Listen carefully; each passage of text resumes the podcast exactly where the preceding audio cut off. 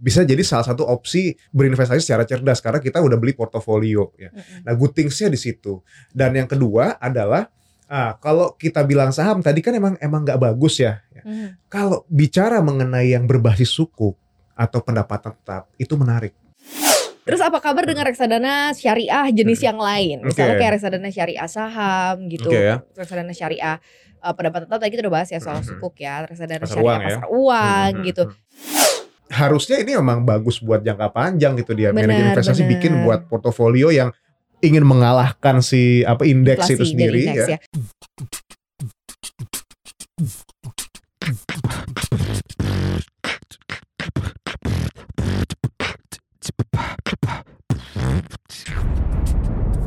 cuap-cuap cuan. Sobat Cuan, ketemu lagi di podcast Cuap Cuap Cuan. Hari ini ada Talk with Expert bareng Maria Katarina dan juga ada Aulia Akbar di sini Financial Expert CNBC Indonesia. Seperti biasa di Talk with Expert kita selalu angkat topik-topik yang sedang hangat diperbincangkan atau yang lagi mau kita bahas aja. Hari ini sih kayaknya yang lagi mau kita bahas aja gitu ya. Karena dia agak the random things kenapa Ya. random things karena kan Hmm. biasanya kayak kita ngikutin hal-hal yang viral Hmm. terus kita bahas kita kulik kita sampai belajatin nah hari ini tiba-tiba lu datang mau membahas soal reksadana syariah itu ini sebenarnya lumayan Hmm. oke di saat sebenarnya saat ini menurut menurut gue dan penelitian dan apa yang gue apa ya apa yang gue lihat pamor dari investasi reksadana tuh Ya. lagi nggak oke Hmm. kayak nggak kedengeran gitu Ya, loh ya, ya. orang untuk memilih Kalah sama reksadana kripto kali ya. kalah sama kripto, kalah sama aset-aset yang lebih berisiko. Kalah sama emas tuh gitu. pasti. Kalah sama emas yang lagi jadi top of mind-nya Iya. orang-orang Hmm. gitu ya. Dan menurut eh, gue kayak memang ya pamornya jadi berkurang Iya. gitu. Saham aja juga udah berkurang. Nah, Iya. apalagi nih sih reksadana. Dan sekarang reksadana syariah lagi Ah, ya nggak sih?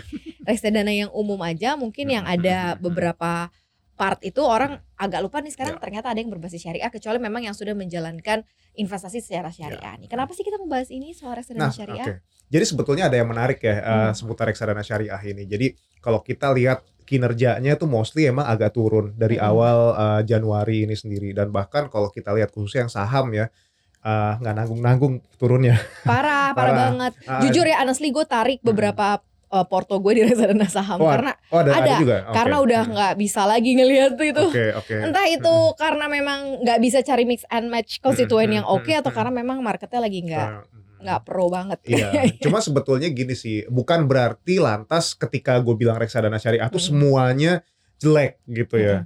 Ada juga Emang yang ada memang stereotip bilang jelek? Kenapa? Emang ada stereotip yang mengatakan Eh, itu jelek? Mostly, mostly ya. Kalau kalau dari kemarin kan gue sempat gue sempat buat artikel, gue sempat siaran juga dan gue sempat otak atik data juga dan memang banyak banget gitu yang kinerjanya agak-agak serem gitu. Mhm. Terutama kalau kalau kita tarik kayak tiga tahunan seperti itu. Gitu. Mhm. Jadi berhubung pasar saham juga belum kondusif saat ini, impactnya emang nggak main-main untuk ke reksadana syariah ini ya. Cuman tenang aja ini nggak semuanya, tapi Mhm. better kita kupas tuntas aja di sini ya. Oke, berarti sebenarnya ini adalah part kita balik educate lagi, Yes. ingetin lagi Mm-mm. bahwa ada investasi yang namanya reksadana Ya. dan reksadanya adalah reksadana syariah. Oke, kita kupasnya mulai dari mana? Kalau kita bicara mengenai performa, Oke. semuanya jelek, bro. Nggak ada yang maksudnya nggak ada yang bagus dan secara signifikan gitu. Mm, mm, Eh, MIMI juga muter otak juga Ya. di tengah marketnya juga volatile parah gitu. Nah, sekarang kalau misal dilihat di reksadana syariah, eh quote on quote, Mm. bagusnya apa dulu nih? Kita bicara mengenai bagusnya Oke, dulu. sebetulnya kalau kita bicara bagusnya itu sendiri ya, eh, reksadana syariah ini kan merupakan instrumen yang bisa dibilang syariah gitu ya. Hmm. Jadi kalau misalnya ada teman-teman yang memang preferensinya adalah berinvestasi di instrumen syariah, eh, keti- jadi kalau misal pilihannya dulu cuman ada deposito syariah, Mm-mm. terus habis itu Emas. eh, emas, Mm-mm. lalu ada yang ngerti juga saham syariah atau sukuk. Nah ini ada reksadana. Sebetulnya itu udah udah banyak gitu ya. Dan ini bisa jadi salah satu opsi untuk berinvestasi berinvestasi secara cerdas karena kita udah beli portofolio ya. Mm-mm. Nah good things-nya di situ. Dan yang kedua adalah ah, kalau kita bilang saham tadi kan emang emang nggak bagus ya. Mhm. Kalau bicara mengenai yang berbasis suku atau pendapatan tetap itu menarik sebetulnya. Oke, menariknya karena nggak ikut volatilitas Satu market kan- overall. Yes. Sebagian besar uh, Ah. asetnya ya surat berharga, Surat berharga. sukuk gitu. Iya. Itu keuntungannya di situ Uh, gitu dan ya. itu bisa dibilang beda-beda tipis sebetulnya sama yang konvensional. Maksudnya Mhm. eh, cukup cukup bersaing lah gitu. Dan Mhm. ini nggak jelek nggak nggak jelek lah kalau kalau menurut gue ya. Dan Bahkan ada yang uh, setahunnya itu kurang lebih ya uh, itu ada di 6% ya. Mhm, mhm. Even YTD-nya juga 6% cukup lumayan cukup sih di baik. atas Iya, inflasi. lumayan dan itu cukup Dekat dengan pertumbuhan ekonomi Ah, gitu kan. ah, benar dan itu menurut gue merupakan salah satu instrumen yang emang uh, cu- cukup baik untuk digunakan sebagai diversifikasi. Jadi kalau kita punya long termnya misalnya di saham atau di mana dan ini reksadana syariah ini oke juga gitu. Mm-mm, Jangan dilupakan juga buat teman-teman yang emang punya preferensi di uh, instrumen syariah gitu. Oke, kita Hmm. balik ke reksadana uh, syariah berbasis uh, pendapatan tetap dan juga sukuk ya. Ya. Mm. Sukuk dan obligasinya kan ditawarin juga secara Mm-mm. personal. Artinya Mm-mm. lo bisa beli ori, lo Mm-mm. bisa beli sukuk juga gitu Iya, ya. iya. Why we must buy uh, reksadana syariah berbasis sukuk? Berbalik juga? susuk, sukuk gitu ya, Nah. dari sukuk. Nah, kalau misalnya kita beli sukuk, uh, sukuk itu macam-macam ya, ada pro- project based sukuk gitu kan, ada ada dan jenis-jenisnya gitu ya. Itu kan kita investasi secara lamsam, Langsung. sekali betul. bayar dalam jumlah gede. Kalau lu Mm. nggak, kalau lu investasi nggak bisa top kecil-kecil, up bisa gitu top ya. up Betul. ya. Kalau misalnya uh, duitnya nggak ada gitu ya, ya susah gitu ya. Paling nggak uh, belum ada sih aplikasi yang memang sudah uh, memfasilitasi pembelian sukuk itu di pasar sekunder. Bahkan kalau Mhm. misalnya kita mau, tinggal datang aja ke bank mana, uh, cari apa namanya RM-nya, kita bisa beli juga Mhm. sukuk yang ada di pasar sekunder. Tapi kan ini ya budgetnya kan paling murah kadang-kadang 200 juta ya kayak Iya, gitu iya. ya. Ya untuk supaya Heeh. dapat hasil investasi yang tinggi ya lo harus memang cukup tinggi naruhnya. Iya, di situ dan nanti ber- dan itu juga akan apa ya kasarannya eh, harga pasaran juga akan berpengaruh gitu. Mm-mm. Mungkin kita bisa belinya kalau emang harganya lagi premium ya bisa-bisa yield eh, yield yang kita dapetin juga kecil gitu kan. Mm-mm. Kalau kita beli dis kecuali kalau kita beli diskon gitu. Nah, reksadana syariah ini kan memang isinya memang sukuk gitu ya Mm-mm. mesti atau surat-surat eh, berharga syariah yang kita bisa top up tiap hari bahkan atau tiap Wow. waktu terserah terserah teman-teman karena ini reksadana balik lagi ini reksadana ini wadah yang digunakan buat mengumpulkan apa namanya modal dan investasikan lagi gitu ya Eh, dengan budget berapapun tuh bisa dan returnsnya mirip-mirip Mhm. dengan apa namanya dengan yang namanya uh, underlying asetnya. Kalau Mhm. misalnya itu sukuk ya sukuknya berapa persen ya kurang lebih seperti itu. Jadi jangan ya jadi nggak nggak heran gitu kalau setahun dia bisa 6 persen segala macam karena memang aset aset dasarnya ya ya seperti itu gitu returnsnya Mhm. gitu. Nah kalau Hmm. dilihat dari perkembangan minat banyak nggak? Atau justru ju- memang karena orang nggak ke capture aja Hmm. Oke. karena tahu ini adalah bagian dari pasar modal ya dia Hmm, apa kan kan reksadana hmm. pasar modal. Ya, Jadi ya, kayak ya. mereka cukup stereotip Hmm. bahwa memang sekarang lagi nggak oke nih Mhm. masuk ke instrumen yang eh, berbasis pasar modal kayaknya gitu. Jadi Sem- agak ya, terlupakan bahwa ada jenis yang satu ini. Hmm, sebetulnya kalau kita lihat dana kelolaan secara keseluruhan ya, Hmm. Eh, itu mungkin masih kalah sama yang konvensional. Oke. Gitu. Cuman kayak cuman ada beberapa yang di atas eh, satu triliun lah, nggak banyak lah, nggak even nggak sampai nggak sampai 10 pastinya ya. Tapi kalau Hmm. kita lihat yang konvensional kan banyak gitu di situ ya. Tandanya kan emang maksudnya minatnya masih masih agak kurang di sini. Mm-mm. Mungkin karena edukasinya juga gitu dan waktu dulu gue sempet baca artikel juga di bulan Januari gitu katanya eh, alasan ini kurang laku gara-gara karena BI karena karena banyak anak muda lebih mentingin lifestyle gitu. Gimana lebih mentingin jajannya gitu ketimbang Bener sih, Pak. investasi. Cuman ya ya itu ya ini inilah apa namanya eh, itu faktor lain lah. Tapi kalau menurut gua tuh ya apa ya di situ dari dana kelolaan tuh sendiri kan emang udah kelihatan gitu ya. Apa Mm-mm. namanya eh minatnya tuh seperti apa gitu. Jadi kalau orang naruh orang naruh dana, orang naruh duit di reksadana itu seberapa Hmm. besar kita bisa compare ke yang apa namanya konvensional tuh berapa bedanya Oke. gitu ya. Terus apa kabar dengan reksadana syariah jenis Hmm. yang lain? Misalnya Oke. kayak reksadana syariah saham gitu, Oke ya. reksadana syariah uh, pendapatan tetap tadi kita udah bahas ya soal Mhm. sukuk ya, reksadana Pasar syariah uang ya. pasar uang Hmm, gitu. hmm, Nasibnya gimana nih? Ini Oke. beberapa kan juga kalau dilihat dari rapot-rapot MI nggak bagus memang, Ya. agak Hmm. terkoreksi. Karena memang kan Hmm, dominasi taruhlah saham ya, Hmm. dominasi saham di Bursa Efek Indonesia itu rata-rata masuknya ke indeks Ya. uh, syariah Iya, sebenarnya ya isi kan. ya. Isi. Hmm, Nah, hmm, berarti hmm. kan ya memang marketnya aja lagi nggak oke marketnya nih. lagi ya, marketnya lagi nggak oke. Kalau- Gimana? kalau kita- ngeliatnya? Kalau gue ngeliatnya gini ya, kalau kita lihat mungkin dari yang pasar uang dulu ya, pasar uang ya sosok lah ya, dia dua ya YTD dua persenan kayak Hmm. gitu ya, which is positif, cuman mungkin nggak nggak seperti pendapatan tetap gitu yang Hmm. yang menarik yang cukup menarik gitu. Sekarang kalau kita lihat saham gitu, eh, kalau fun fact sheet-nya isi sendiri gitu ya dari eh, secara bulanan dari bulan April itu sendiri kan dia banyak terkonsentrasi di di saham-saham ini nih, saham-saham eh, mining sebetulnya di situ Mhm. ya. Jadi ada Mhm. energi, sorry, energi. Terus ke nomor dua itu infra ya, Mhm. sama eh, yang ketiga itu base- eh, basic industry gitu Mhm. ya di situ. Nah sekarang salah satu yang bobotnya terbesar itu ya uh, itu mengalami koreksi yang cukup dalam memang Mm-mm. di situ dan itu mungkin efeknya sampai ke semua muanya di Mhm. sana dan kalau misalnya kita lihat dari uh, reksadana saham itu sendiri kan memang ada kebijakan dari manajer investasi mungkin kayak 60 persennya lu harus ngambil dari yang uh, indeks isi yang Iya, sisanya baru silakan lu mix and match dengan uh, dengan lu pilih sendiri Mhm. apa namanya emiten-emiten apa yang kira-kiranya pas buat si reksadana ini. Nah, Mm-mm. kalau memang dia sebagian besar ada yang di indeks isi ya sudahlah. Wajar kalau itu mengalami penurunan yang cukup tajam gitu di Mm-mm. saat itu. Cuman balik Mm-mm. lagi seharusnya kalau kita investasi reksadana horizonnya itu kan jangka panjang ya, Mm-mm. di situ ya. Nah, ini dikembalikan lagi nih ke investornya. Kalau kita cuman lihat dari jangka pendek aja kayak gitu ya mungkin ah, mungkin emang emang ag- agak ngeri ya kita ngelihat Karena emang ngeri banget. ngeri bro. banget sih emang ngeri Gue banget mengalami sendiri, maksudnya melihat gak bisa banget nih nampung. Uh-uh. Kalau misalnya gue dilepasin gitu aja mungkin bisa iya down. Downnya luar biasa ya. Apalagi Mm-mm. mungkin kalau misalnya MI-nya nggak pinter-pinter banget untuk mix and match Iya. konstituen, terus kita ada pemberlakuan ARB menuju ARB, ARB 15 persen Yes. itu ya itu agak lumayan Agak- ketar-ketir iya, juga. bener Secara sih. rebalancing kan. Porto di MI berapa sih berapa bulan sekali sih? 6 bulan dia Ribe- untuk kurang ya kurang lebih ya segitu ya. Tapi kalau kalau dia kan kalau FFS itu kan dia dia bisa aja kan satu bulan bisa dia beda. dikeluarin ya, bisa dikeluarin, dikeluarin masukin ya. Ah, Oke. itu kan ah, apa namanya ya kita kita sendiri juga actually nggak tahu dia beli di harga berapa gitu ya. Coba balik lagi ya kalau kita bicara reksadana saham nah ini kita bicara di profil risiko yang emang berbeda dan Mm-mm. pemahaman mengenai investasi yang juga berbeda. Ini teman-teman makanya harus ah, harus tahu juga ya.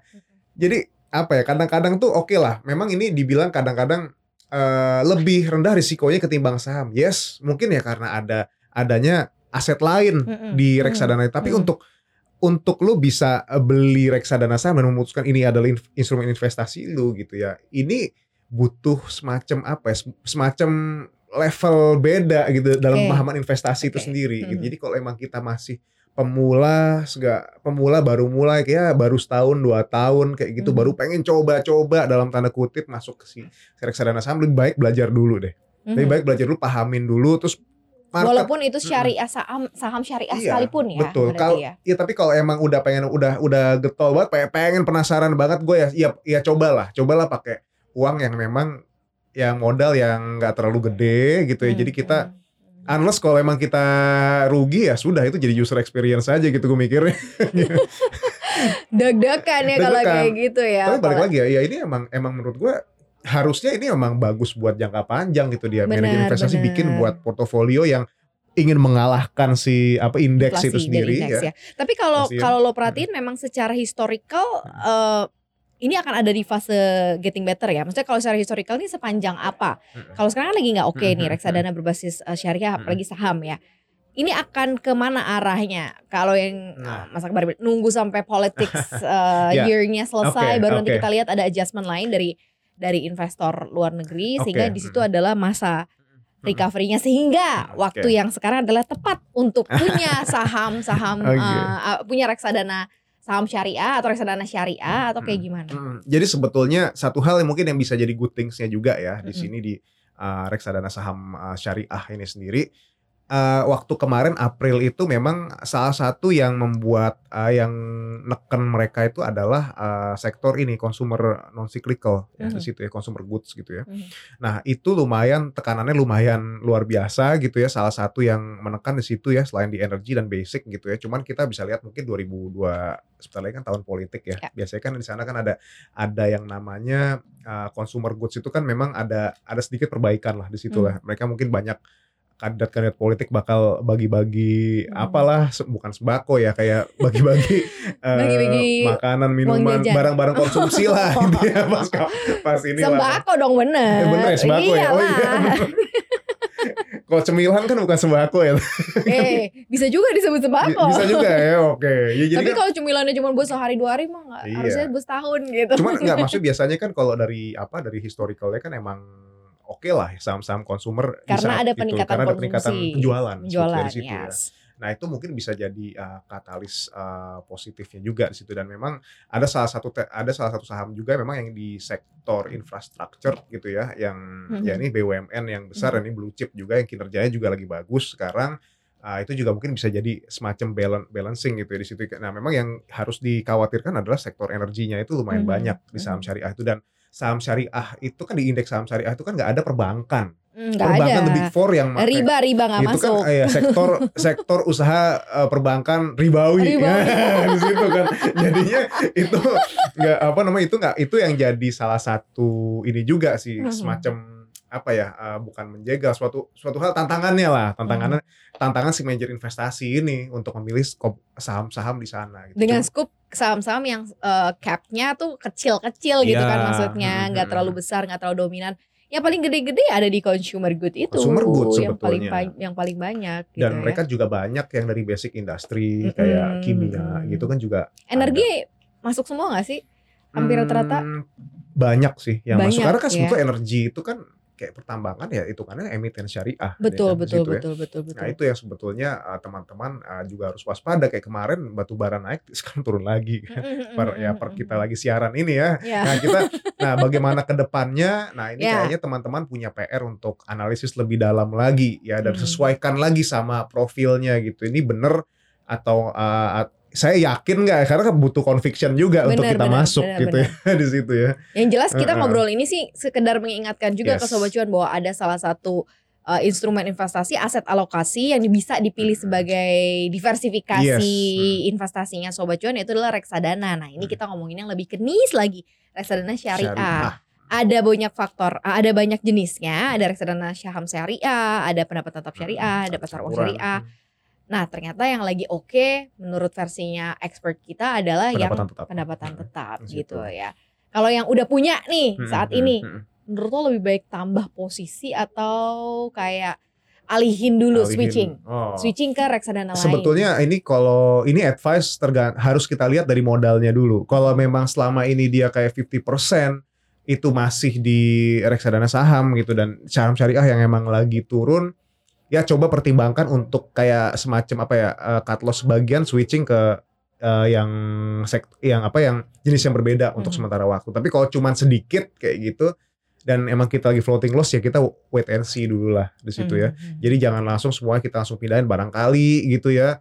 Bakal ada the magic happen gitu terus habis itu kita Kan nggak tahu. market kan Kita nggak tahu. turun Iya, ya kayak kan. gitu dan kita nggak tahu prospek eh, seperti prospek di masa yang akan datang ya ya kita mungkin bisa meramalkan gitu. Mm-mm, Cuman kan realisasinya nanti itu kan di akan terjadi kita nggak bisa jamin juga yang Benar, namanya juga benar. reksadana gitu. Yang bisa dijamin cuman apa cuman suatu utang negara di sini ya pastinya.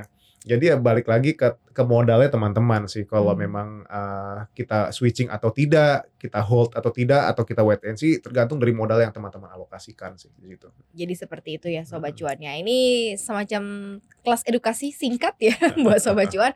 Sekali lagi kita punya banyak aset alokasi dan kita selalu ingetin juga apa pun kondisinya tetaplah investasi karena ada aset-aset yang ternyata masih cukup tahan nih di kondisi-kondisi seperti ini. Thank you banget ya Sobat Cuan udah dengerin kita hari ini. Jangan lupa dengerin konten-konten podcast kita lainnya di Apple Podcast, Google Podcast, Spotify, dan juga Anchor. Follow akun Instagram kita di @cuap underscore cuan dan subscribe YouTube channel kita di cuap cuap cuan, di like, di share, dan juga di komen. Thank you ya. Akbar dan juga Maria pamit. Bye-bye. Happy cuan.